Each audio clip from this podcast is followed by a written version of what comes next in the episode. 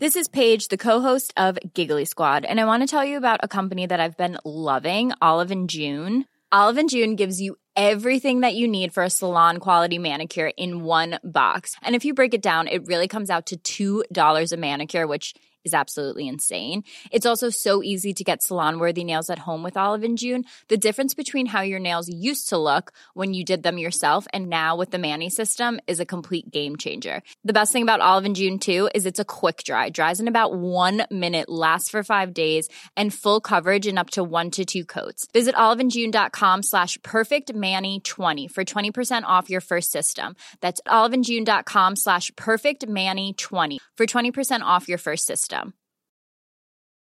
When you're ready to pop the question, the last thing you want to do is second guess the ring. At Bluenile.com, you can design a one of a kind ring with the ease and convenience of shopping online. Choose your diamond and setting. When you find the one, you'll get it delivered right to your door. Go to Bluenile.com and use promo code LISTEN to get $50 off your purchase of $500 or more. That's code LISTEN at Bluenile.com for $50 off your purchase. Bluenile.com code LISTEN. Hey there, it's Michelle Norris. I'm host of a podcast called Your Mama's Kitchen. When I travel, I'm usually looking for a way to find a taste of home when I'm not at home. And one of the things I love to do when I am at home is entertain. And Airbnb allows me to do that. When I was in California recently, I rented a house that had a great kitchen. And when we were sitting around the table, we're all thinking, we're in someone else's house. Someone could be in all of our homes as well. If you have a home, but you're not always at home, you have an Airbnb. Your home might be worth more than you think. Find out how much at airbnb.com slash host. Sexmissbruk eller sex som självskadebeteende kan ta sig uttryck som tvångsmässigt tänkande på sex, ett inre tvång att utföra sexuella aktiviteter, förlorad kontroll eller sexvanor som medför stora problem eller risker.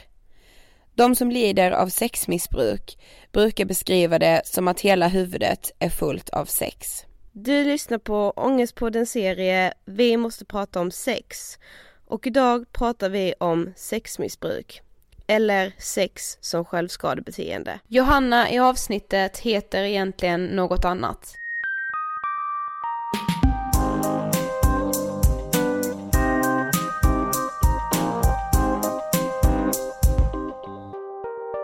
Hej på er och välkomna till avsnitt 57 av Ångestpodden! Hej allihopa och hej alla nya lyssnare! Ja, hej! Ja, Ni är välkomna till vår sista del i serien Vi måste prata om sex. yes. Och som ni hörde kommer vi idag prata om sexmissbruk. Eller om vi nu ska kalla det sex som självskadebeteende. Exakt, men innan vi sätter igång, alltså vi måste ju verkligen bara wow. Mm. Alltså vi har legat etta på iTunes sen i fredags. Ja, helt sjukt. Helt sjukt. Och vi vet att den listan inte mäter vem som har mest lyssnare, jada jada jada. Men den mäter ju faktiskt den podden som ökar allra mest i Sverige just nu. Mm. Så vi är den mest ökade podcasten i Sverige för tillfället vilket känns så jävla gött om jag får Ja. vara helt ärlig. Eller hur? Det känns så himla kul att ni eh, vill hänga med liksom. Mm. Skitkul. Ja. Eh, men ja, åter till dagens ämne. Det är Mm. så svårt det där med att veta om man faktiskt ska kalla det sexmissbruk eller sex som självskadebeteende. Alltså i dagligt så tal så känns det ju som att man säger så här. Då säger man ju verkligen sexmissbruk. I dagligt tal säger jag som att det är något man brukar prata om. Nej men så här, om man skulle säga bara vadå hon har typ sexmissbruk. Mm, ja men precis, alltså det låter lite som ett skällsord nästan att man säger det så här. Ja men alltså det låter ju så här som att det är något självvalt tycker jag mer. Som att så här, ja shit hon har ju sex hela tiden. Ja men alltså hon har ju typ sexmissbruk. Mm, ja hon är fan galen. Ja men så är det ju verkligen inte fast så det är ju verkligen ett självskadebeteende. Ja, precis. Men det kommer ni höra mer om i intervjun. Exakt och för eh, två veckor sedan så gästades vi av en hemlig gäst som vi valde att kalla Johanna. Och då berättade hon om hur hon blivit sexuellt utnyttjad av sin egen pappa. Och hon är tillbaka i det här avsnittet. För efter att hon hade blivit utsatt för de här övergreppen så utvecklade hon, ja men sex som självskadebeteende. Eh, ja, precis. Men ni kommer ju höra allting i intervjun men det, det, var, det blev så himla intressant för alltså det, det är så här, eftersom man inte pratar om det här heller, aldrig liksom, så blev det typ ändå så här innan de här intervjuerna så började jag typ tänka så här Många kanske har ifrågasatt sig själva och sina beteenden. Och vi frågade ju även Johanna då som vi har valt att kalla henne, liksom vad, vad det är för skillnad egentligen från att liksom missbruka sex till att bara vilja ha mycket sex. Mm. För det är inte alls samma sak. Nej, verkligen inte. Nej. Och det kommer ni ju som sagt att höra. Mm. Så eh, ja, som vanligt så rullar vi intervjun. Varsågoda! Hej igen Johanna och välkommen till Ångestpodden! Hej! Du är vår eh, första gäst som faktiskt kommer tillbaka. Värsta äran. Ja, Ja precis, två Men vi- gånger i Ångestpodden. Exakt, vi tycker det är jättehärligt att du är tillbaka. Tycker jag också. Eh, men för de som missade förra gången som du var med, vem är Johanna? Ja, nu minns inte jag riktigt vad jag sa. Men jag skulle säga att jag är 24 år gammal eh, och jag är en känslomänniska. Och jag skulle säga att jag är ganska jordnära. Så, ja. Och brinner för andra människor och för att hjälpa andra människor. Men du gästade ju oss för två veckor sedan Ja. eh, och berättade om hur du blivit sexuellt utnyttjad av din pappa. Eh, och idag tänkte vi prata lite mer om vad som hände efter de här övergreppen. ja. Vill du berätta lite om det? Ja, men alltså jag upptäckte ju ganska tidig ålder, eller upptäckte upptäckte. Jag började med självskadebeteenden i ganska tidig ålder. Eh, och det är från att jag var tio någonstans där så skar jag mig eh, rätt så ordentligt. I princip varje dag. Upp till jag var 15-16 där jag fick, då fick jag hjälp att, och, och liksom hantera det och gå i terapi. Eh, och jag gick i terapi i säkert ett år, ett och ett halvt. Eh, men tog aldrig tag i, i det här med övergreppen överhuvudtaget. Utan jag pratade inte med min psykolog om det. Utan jag sa att jag vill inte prata om det förflutna utan bara om problem i, i nutid. Så vi tog aldrig upp det och sen så efter ett år där någonstans så sa hon till mig att eh, Johanna du klarar dina problem så himla bra själv. Så jag gick därifrån och var jätteglad för jag tänkte att nu jäklar är jag frisk.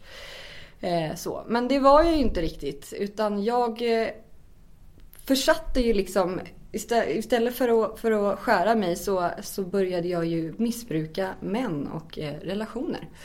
Eh, men det insåg inte jag. Det tog ju flera, flera år innan jag insåg det. Män och relationer och sex helt enkelt. Mm. Ja, vi ska ju fokusera på just sexmissbruket, eller sex som självskadebeteende, känns det som att vi vill säga i alla fall.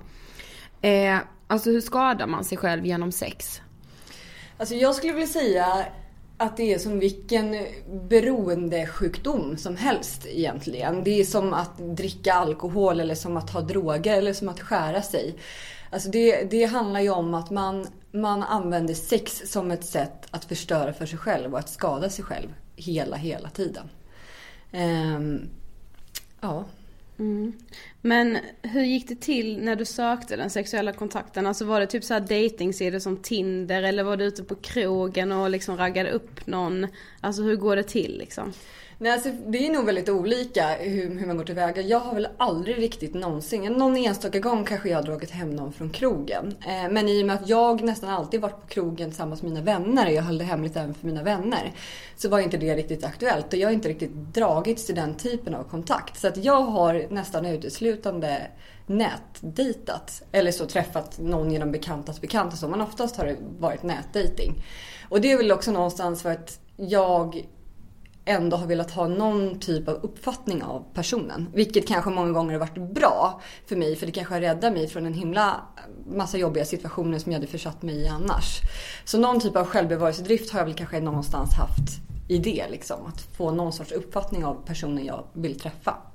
Så det har uteslutande varit nätdating för mig. Men jag vet ju många andra som använder krogen eller, eller så som, som Mm, sina ja, det är sätt. väldigt Ja, olika. precis. Ja. Eh, ja men för vi tänkte lite på det, alltså om man har sex som självskadebeteende, blir det liksom som, alltså som en drog? Alltså är det så här ständig jakt på, ja men jag måste hitta en ny partner eller jag måste liksom Ja, det skulle jag nog säga att det är. Och det, jag skulle säga att det går hand i hand med bekräftelse. Eh, så. Och just att man hela tiden måste fylla upp den här tomheten eller liksom få bort den här ångesten. Det är likadant som när man dricker eller när man tar droger. Man, man, man måste få bort tomheten för en stund. Det var likadant när jag skar mig. Jag skar mig för att slippa känna smärtan inuti. Och det var på samma sätt när jag träffade någon eller när jag hade sex. Då gjorde jag det för att slippa känna smärtan inuti en stund. Mm. Så att ja, det blir definitivt ett beroende. Och det mm. handlar hela tiden om, det är inte alltid, det är samma sak där. Jag var ju inte medveten riktigt om vad jag gjorde. Det var inte så att jag aktivt gick och tänkte att nu ska jag skada mig själv så nu går jag och har sex med någon annan. För att i, i alla år som jag har haft det här självskadebeteendet så har jag också befunnit mig i relationer under tiden. Eh, och eh, varit då konstant otrogen. Vilket inte heller är eh, det är också ett självskadebeteende i sig. Mm. Att inte kunna, kunna förstå att man är värd den relationen man har. Eh, så att ja, det blir det är en ständig jakt mm. på bekräftelse. Och det är hela tiden olika människor. Eller hade du så här, hade du en typ som du liksom letade efter? Eller var det, är det mer så här, ja men jag tar första bästa typ? Nej så är det nog inte utan jag har väl aldrig haft några riktiga sådär superreferenser kring, kring män och hur jag vill att de ska se ut eller vara och sådär. Utan jag dras, det är attraktion och liksom personkemi. Så att alla män jag träffat de har ju varit, det, det finns ingen likhet så mellan någon. Eh, så att jo, med vissa så har det varit sådär. Jag har ju haft en tendens också vad jag har märkt genom åren, vilket också gjorde att det ibland blev lite problematiskt. Det var ju att nästan alla män jag träffade blev kära i mig. Eh, så att många gånger så var det ju så att vi träffades ett par gånger. Mm. Och sen så var jag tvungen att avsluta för att det blev för mycket känslor inblandat från deras håll. Mm. Eh, och sen så gick jag på nästa så blev det samma grej igen. Eh, så att det var ju, men det kanske också var någonstans omedvetet så var väl det kanske också att jag kanske drog till mig den typen utav män. Eller sa de rätta sakerna för att killar skulle falla helt enkelt. Så det kanske också i sig var ett bekräftelsesökande. Mm. Eh, att få dem att bli kära. Så. Men det var inte grundtanken utan det var ju att ses och ha sex. Liksom. Ja. Så. Ja, alltså du berättade en intressant sak för oss eh, när vi spelade in förra gången. Eh, att du ibland kunde berätta för männen du träffade att du hade blivit sexuellt utnyttjad som barn. Ja. Eh, kan inte du berätta lite mer, mer, om det? För det känns så intressant. Mm. Ja, alltså det är ju någonting som jag har insett i efterhand eh, kanske hur, hur sjukt det faktiskt är. Att väldigt många män som jag har pratat med och som jag har träffat eh, går ju igång på att man har blivit sexuellt utnyttjad. De tycker att det är spännande, de vill gärna hålla på med olika typer av rollspel som involverar incest och liksom sexuella övergrepp. Så att, och det är samma sak där. Jag vet att jag pratar med, med vissa vänner så efteråt och de har sagt att men vadå, det är ju säkert en viss typ av män som beter sig så. Nej, det är alla olika typer av män som jag har träffat som går igång på den typen av av eh, rollspel och som, som tänder på att jag har blivit utnyttjad av min pappa. Alltså man blir så chockad. Ja, alltså ja, verkligen chockad. Men det måste, jag tror det har att göra med så att man vet ju att det är så förbjudet. Precis. Och man ska inte tycka om det. Precis. Och då blir det så sjukt när man märker att man gör det. Och Precis. så hittar man då någon där man kan utnyttja det. Ja. Och då passar man på liksom. Ja, alltså vad många utav männen märkte var också, tror jag, det var ju att jag har ju alltid varit så otroligt gränslös mm. i, i min sexualitet och i mig själv. Utan jag har ju låtit folk köra över mig precis som de vill och rent sexuellt så har ju män fått göra precis som de vill med mig. Jag har ju varit såhär, ah, men jag tycker det är kul att testa nya spännande saker. Jag har aldrig förstått att okej, okay, jag kan faktiskt känna att det här inte är okej. Okay. Mm. Så det var först nu för några år sedan när jag började gå i terapi och när jag fick hjälp på riktigt att bearbeta det som hänt som jag förstod att jag faktiskt kan ha gränser så. Eh, och det tror jag också är en, en del i, i hela sexmissbruket. Jag tror att det är väldigt ofta så att när man missbrukar sex så är man gränslös mm. i sig själv så, i hela sitt beteende. Men tror du att din bild av sex var annorlunda för att du hade blivit utnyttjad som liten? Alltså, för det känns ju som att ja, men du hade inga gränser. Eh, men, men varför hade du inte det då? Nej, jag tror att för mig så är det nog så om jag ska liksom... Jag tror att det är så att i och med att min pappa kunde göra det han gjorde mot mig så är jag inte vattenvärd och då kan jag låta vem som helst göra vad som helst med mig. Jag tror att det var det som var lite grundtanken. Sen var det som sagt, det var ingenting jag gick och funderade kring aktivt. Men så här i efterhand så kan jag ju se tillbaks på det och förstå att det kanske var så. Eh, men sen så tror jag också att många, det var någon terapeut som sa till mig någon gång att många som har eh, upplevt sexuella övergrepp försöker hela tiden, genom varje gång de har sex sen efter det så försöker de hela upplevelsen så att säga. Så att varje gång de har sex med någon annan så försöker de se till att den upplevelsen blir så bra som möjligt. Eh, på något sätt. Eh, så var det inte riktigt för mig. Utan jag försökte ju återskapa nästan hela tiden Ja. det som hade hänt, övergreppen. Och det tror jag också är väldigt vanligt att man gör. Eh, just för att har man inte fått möjlighet att bearbeta det så lever man ju kvar i tron om att det är så sex ska Ja, vara. Att det ska vara skadligt eller Exakt. att man inte ska må bra Ja, efteråt. det var det och jag liksom tänkte liksom att det blir en felaktig bild av vad sex faktiskt Precis, kan vara. det kan vara något verkligen. jättefint mellan Precis. två personer. Precis. Ja. Men eh, alltså hur kände, eller hur kände du dig efteråt? Hur kände man sig efteråt tänkte jag säga. Men alltså hur kände du dig efter ett möte med en man säger vi när du skulle hem igen till din alltså existerande pojkvän liksom? Ja, alltså det var ju det som var så himla läskigt. Att man stängde ju verkligen av. Eh, fullständigt. Jag, ibland så, det har ju varit på den nivån och det är nog också rätt vanligt eh, när man har eh, blivit utsatt och när man har posttraumatiskt stressyndrom framförallt.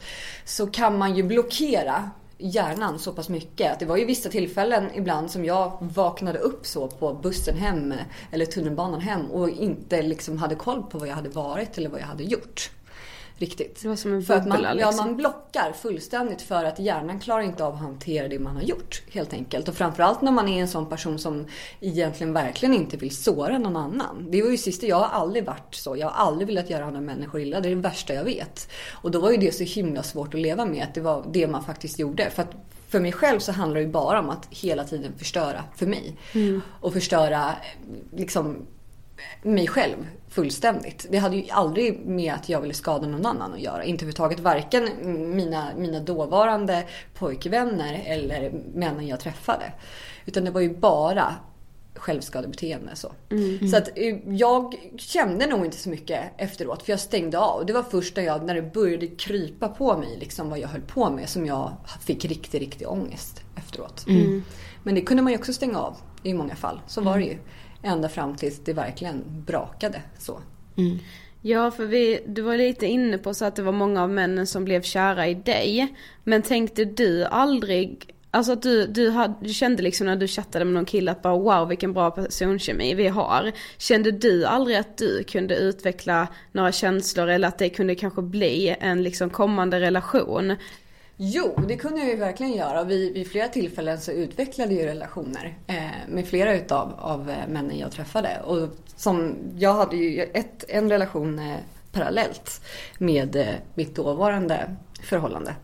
Eh, och det var ju inte heller så bra. Det var ju också ett sätt någonstans som jag kan se i efterhand att skada sig själv istället för att bara ta tjuren vid hornen och, och berätta sanningen om Ja, hur precis. det var. Men det var, då, blev, då blev det istället att jag levde liksom separata liv.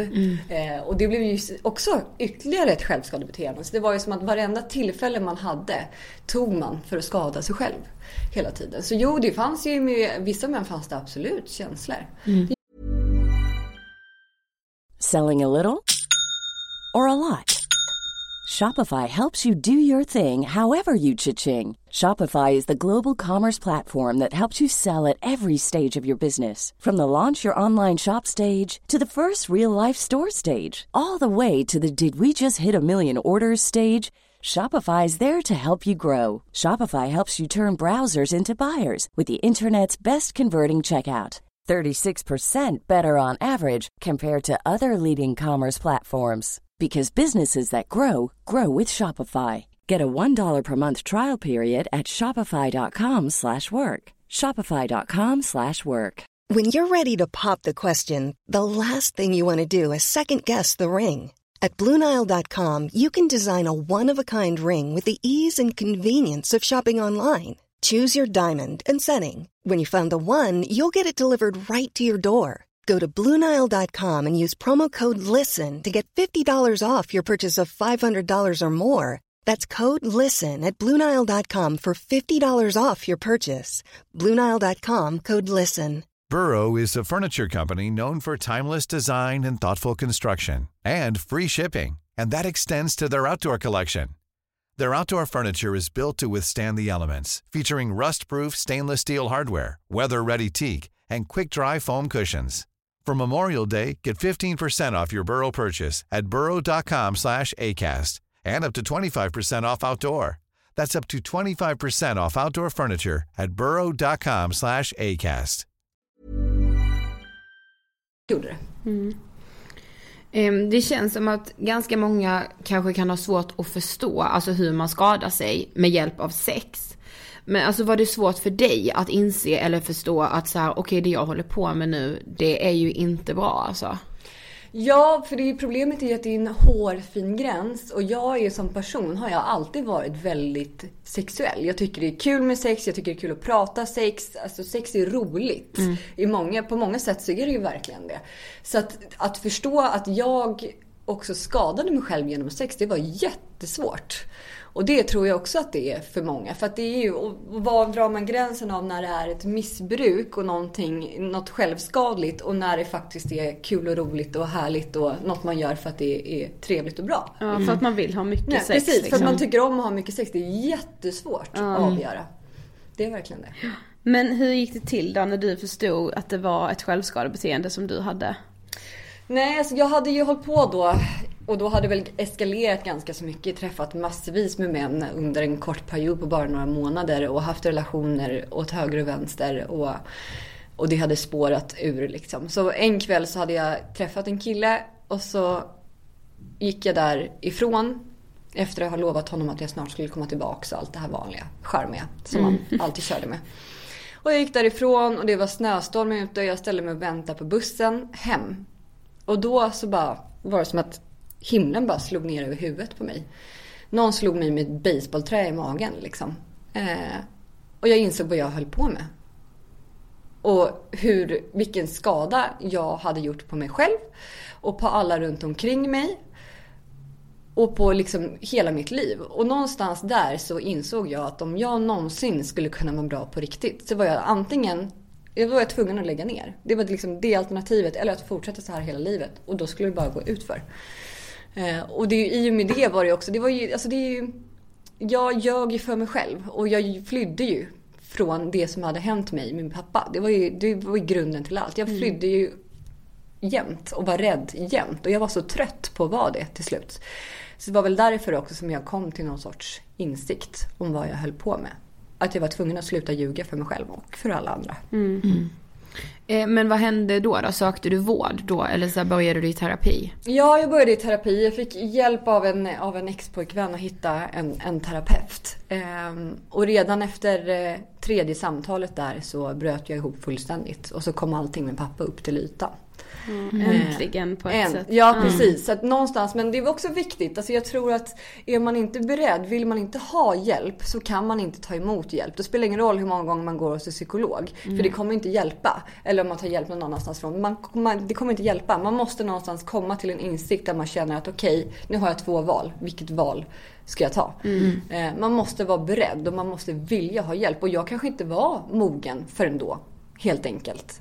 Man måste komma fram i den mognadsprocessen på något sätt. Innan man har gjort det så spelar det ingen roll. Nej, för det kvittar egentligen vilken, liksom, Ja, vilket precis, ja, självskadebeteende precis. eller Ja, vilken psykisk ohälsa man exakt, har. Man exakt. måste ju vilja bli Precis. frisk. Ja, precis. Ja, men jag tänker alltså just kring vård och så att den är ganska dåligt utvecklad när Ja. det kommer till just så här sex och Ja. självskadebeteende. Ja. Och framförallt tror jag för tjejer. För att det är fortfarande inte ens i närheten av lika socialt accepterat som det är att män håller på på det sättet. Det finns väldigt, väldigt lite hjälp för tjejer. Eh, hos, hos vad jag har läst mig till i all psykologi jag har läst så är det ju rätt så vedertaget att män kan använda sex som självskadebeteende. Men att kvinnor gör det, då är det något väldigt stort fel på dem. Så.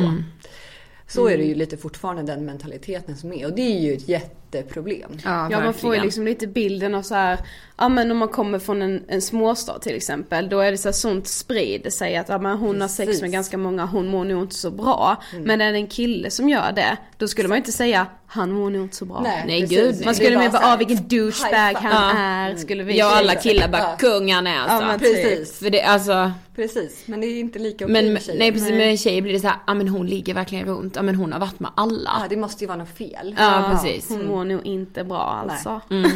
Men jag tänker, alltså vet du så här, vad generellt, alltså vad gör man generellt om någon kommer in och bara, men jag skadar mig genom sex? Jag tror ju att det är rätt så viktigt och generellt sett så tror jag att många försöker gå till botten med vad det egentliga problemet är. Mm. För att det är precis som alla andra självskadebeteenden så finns det ju en anledning till varför man gör det man mm. gör. Och man måste ju någonstans hitta orsaken bakom. Det tror jag är nyckeln till allt. Sen är det nog kanske inte alla som gör så. Man kanske jag vet inte hur det går till sådär riktigt i, i allmänvården så. Jag tror att kunskapen är ganska liten. Mm. Eh, och på samma sätt som det är kunskapen ganska liten om sexuella övergrepp så är den ganska liten om, om sexmissbruk. Mm. Eh, just för att det är så jobbigt att prata om. Ja. Mm. Eh, så att jag tror, jag vet inte något specifikt ställe sådär där man kan få hjälp för just sexmissbruk. Utan jag tror att det är viktigt att hitta en terapeut som man känner att man klickar med. Mm. Eh, och sen gå till botten med grundorsaken. Så. Men jag tänker också just det här att ett av de största liksom, delarna av mm. ett sexmissbruk är just det här med bekräftelsen. Ja. Och den har ju ökat så mycket senaste Precis. åren. Så det känns som vården har ju inte hängt med kanske där heller. Så här, oj helt plötsligt behöver man en extrem bekräftelse tack vare vårt sociala mediesamhälle. Precis. Och då blir det så här, men hur gör vi med det här nu Precis. liksom? och det hänger nog verkligen samman. Alltså mm. sex och bekräftelse. Det är nog man måste liksom vara medveten om båda två för att mm. kunna lösa problematiken. Ja. Sen är det så svårt också som vi sa innan vi satte igång mickarna och så. Det här med att man liksom Alltså det är ett ganska så hårt språk på mm. typ, ja men vi säger Tinder då för mm. de flesta vet vad det är. Alltså man är typ van vid lite så här ja men ett och annat sexmeddelande och så Ja men något det... skamligt förslag. Ja, ja eller precis så att man, första meddelandet från en kille är så här, hej vill du knulla? Ja, liksom. Typ. Eller vill du komma hit och ligga med mig? Eller ja, så här, det, ja. Och det är så här, man, man reagerar inte ens Nej, nej. Och det, det är, så man bara usch äckel tänker man men ja. man skulle inte skriva du ursäkta tycker du det är okej okay att du precis. går på mig och säger. första line liksom, ja, precis. Men det är ju väldigt, eller som, som vi pratade om att man får bilder till höger och vänster. Man ja. höjer inte ens på ögonbrynen längre. Nej, det är inget konstigt att man får en bild på någon annans kön. Nej, nej precis. precis. Det är så himla, det känns som att bilden av sex blir liksom felaktig. Ja, ja det blir jättefel och klimatet har ju hårdnat. Och ja. det går ju, kryper ju längre ner, nu låter jag som värsta gamla tanten. Men det kryper ju liksom längre ner i åldrarna. Det märker jag på mina syskon som är 12-13 år. Det mm. märks ju tydligt att det kryper neråt mm, med ja. utseende och ideal och hur man ska se på varandra och sex och hela den biten. Mm. Ja men det var så förra veckan när vi gästades av Johanna som jobbar som polis. Ännu en Johanna. Ja precis. eh, men då sa ju hon just det också. Hon bara, mm. men alltså det finns liksom, vi kan hitta sexchatter från tjejer som är åtta år mm. som har suttit och chattat med någon ja. man som visar sig vara 50 ja. sen liksom. Och då är de åtta. Det var ju likadant, jag tror att jag och min bästa kompis första gången var inne på någon sån här Aftonbladet-chatt. Då var vi nio år eller något sånt där mm. och började chatta med någon gubbe som sen visade sig vara typ 50-55. Mm det är ju, man börjar ju tidigt. Mm. Ja, för att då är det ju liksom lite, då gör man ju inte det för att skada sig nej, själv. Man bara nej och då är det ju spännande precis, och kul och man ja. bara fniss fniss. ja, ja, men såhär, ja. gud det här är så himla förbjudet eftersom man inte pratar liksom precis. sex ja. någonstans. Ja, så då blir det så här, gud det här är så himla liksom häftigt och att, jag, att vi gör det här nu. Ja. Men hur ser din relation ut till sex idag? Ja, jag skulle säga att den är nog ganska så sund. Det sen är ju svårt som sagt, det är en hårfin gräns av vad som är sexmissbruk och inte och vad som är sunt och inte sunt. Mm. Eh, men sen är det klart att jag kan ju, nu lever jag med en och samma partner sen ett och ett halvt, två år tillbaks. Så då blir det en annan sak. Eh, men det är ju så här varje dag någonstans så måste jag vara medveten om hur jag känner, hur jag mår, vad jag gör. Jag måste göra ett aktivt val. Att inte liksom falla tillbaka i gamla mönster. Mm. Och det tror jag också är, är nyckeln till att liksom kunna hantera sitt... För att är man också, som många är, beroendepersonligheter så är det väldigt lätt att trilla in i saker som man gärna fastnar i. Det kan ju vara bra saker också. Mm. Eh, men det, gör man för mycket av någonting så blir det ju skadligt till slut. Det måste ju vara balans, det är liksom nyckelordet.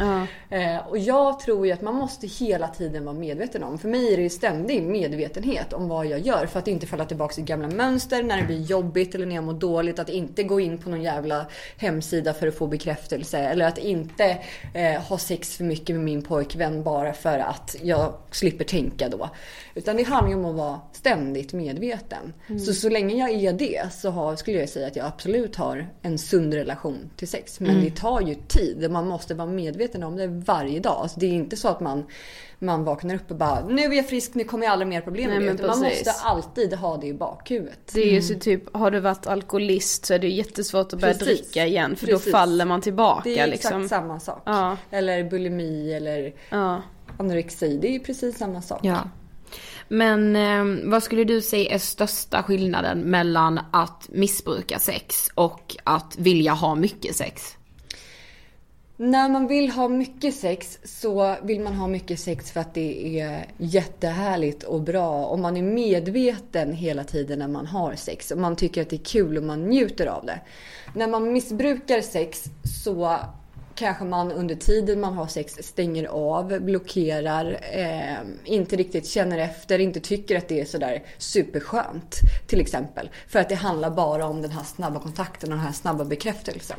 Mm. Eh, men det är frågan om, det är svårt att kanske när man är mitt uppe i det och, och vara medveten om det.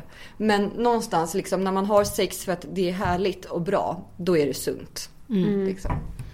Men vet du några typiska tecken som kan tyda på självskadebeteende eller något som man kan tänka på själv?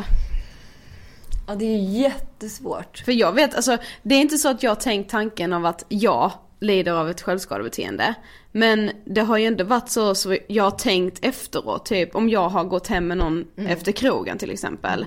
Va, varför gjorde jag detta liksom? Men det är ju så alla gör. Eh, och sen så, jag pratade lite med min, med min bästa vän för att hon hade de hade ju ingen aning om det här, någon av mina vänner. De hade inte den blekaste. Och min, min allra bästa vän hon sa att ja, men jag kunde liksom, jag kände att någonting inte stämde men jag visste inte riktigt vad det var. Jag kunde inte ta på det. Men nu när du berättar det så är det ju såklart att jag inte förstod det innan. Det är ju helt sjukt. Mm. Men hon sa att det märktes ju ingenting på mig. Eh, hon kunde märka att jag var lite flörtig så mot andra mm. män. Hon bara, det är ju så Johanna är. Så det är inget konstigt. Det är en personlighet. Själv. Ja. Så. Så att utåt sett så tror jag att man blir väldigt, väldigt bra på att dölja det. Så jag tror att det är svårt som anhörig kanske att se det om man själv inte har någon typ av erfarenhet eller referenser till självskadebeteenden. Har man det däremot så är det mycket lättare att upptäcka men det är ändå svårt för att man döljer med sådana otroliga lögner för sig själv och för alla andra. Man blir så jättebra på att ljuga och manipulera även fast det är det sista man vill göra egentligen. Så att jag skulle vilja säga att om man ska hitta någon sorts jag hittar några sorts signaler själv så är det väl när man kanske träffar människor för att man känner att man bara vill ha bekräftelse. Mm. Eh, och ingenting annat. Men som sagt, det är jättesvårt.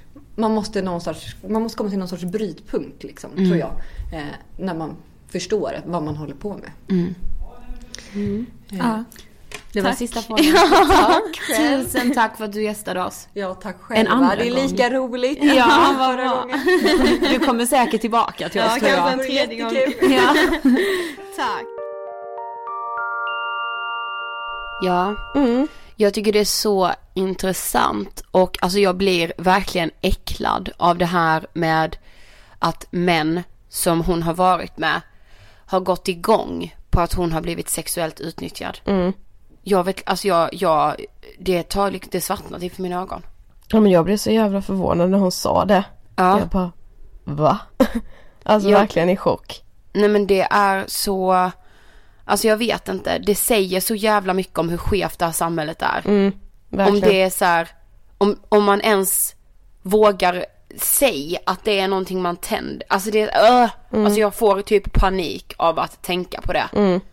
Så det var intressant att hon verkligen delade med sig av allt. Mm. Ja, alltså tack så hemskt mycket Johanna för att du har velat gästa oss och berätta om dina erfarenheter. Det har hjälpt så extremt många människor. Ja, och jag tror att så många som inte haft en aning om att ja men så här kanske sex som självskadebeteende ens existerar. Mm. Eller så här, ja jag vill passa på att tacka Johanna som faktiskt heter Johanna. Som ehm, är polis som gästade oss i förra avsnittet och pratade om sexuella övergrepp på internet också.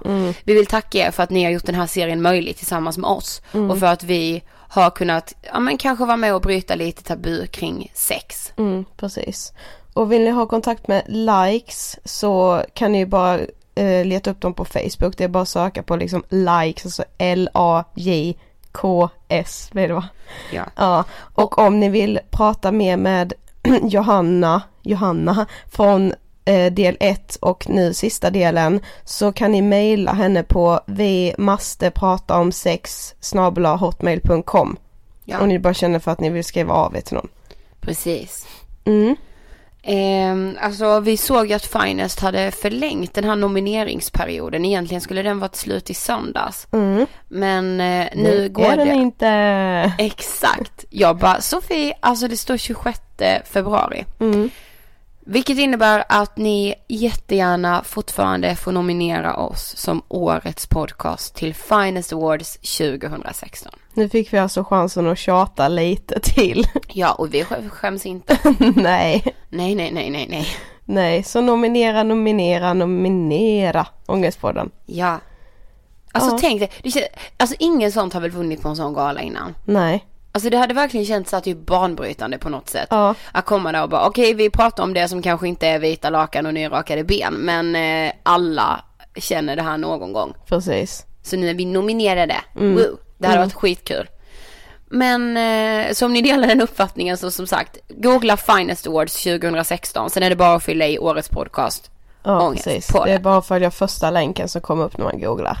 Yes. Yes, fortsätt följa oss på Instagram. Där heter vi ju som ni vet vid det här laget Angestpodden. Woo! Alltså vi delar med oss av så mycket där. Alltså jag tror vi laddar upp någonting varje dag. Ja, det, det har varit mycket nu på sista. så mycket. Det är Ja, så himla kul. skitkul. Vi eh, hörs nästa vecka. Precis som vanligt. Då är tyvärr serien slut men vi kommer snickesnacka ändå. Ni blir inte av med oss. Ha det bra! Hej då!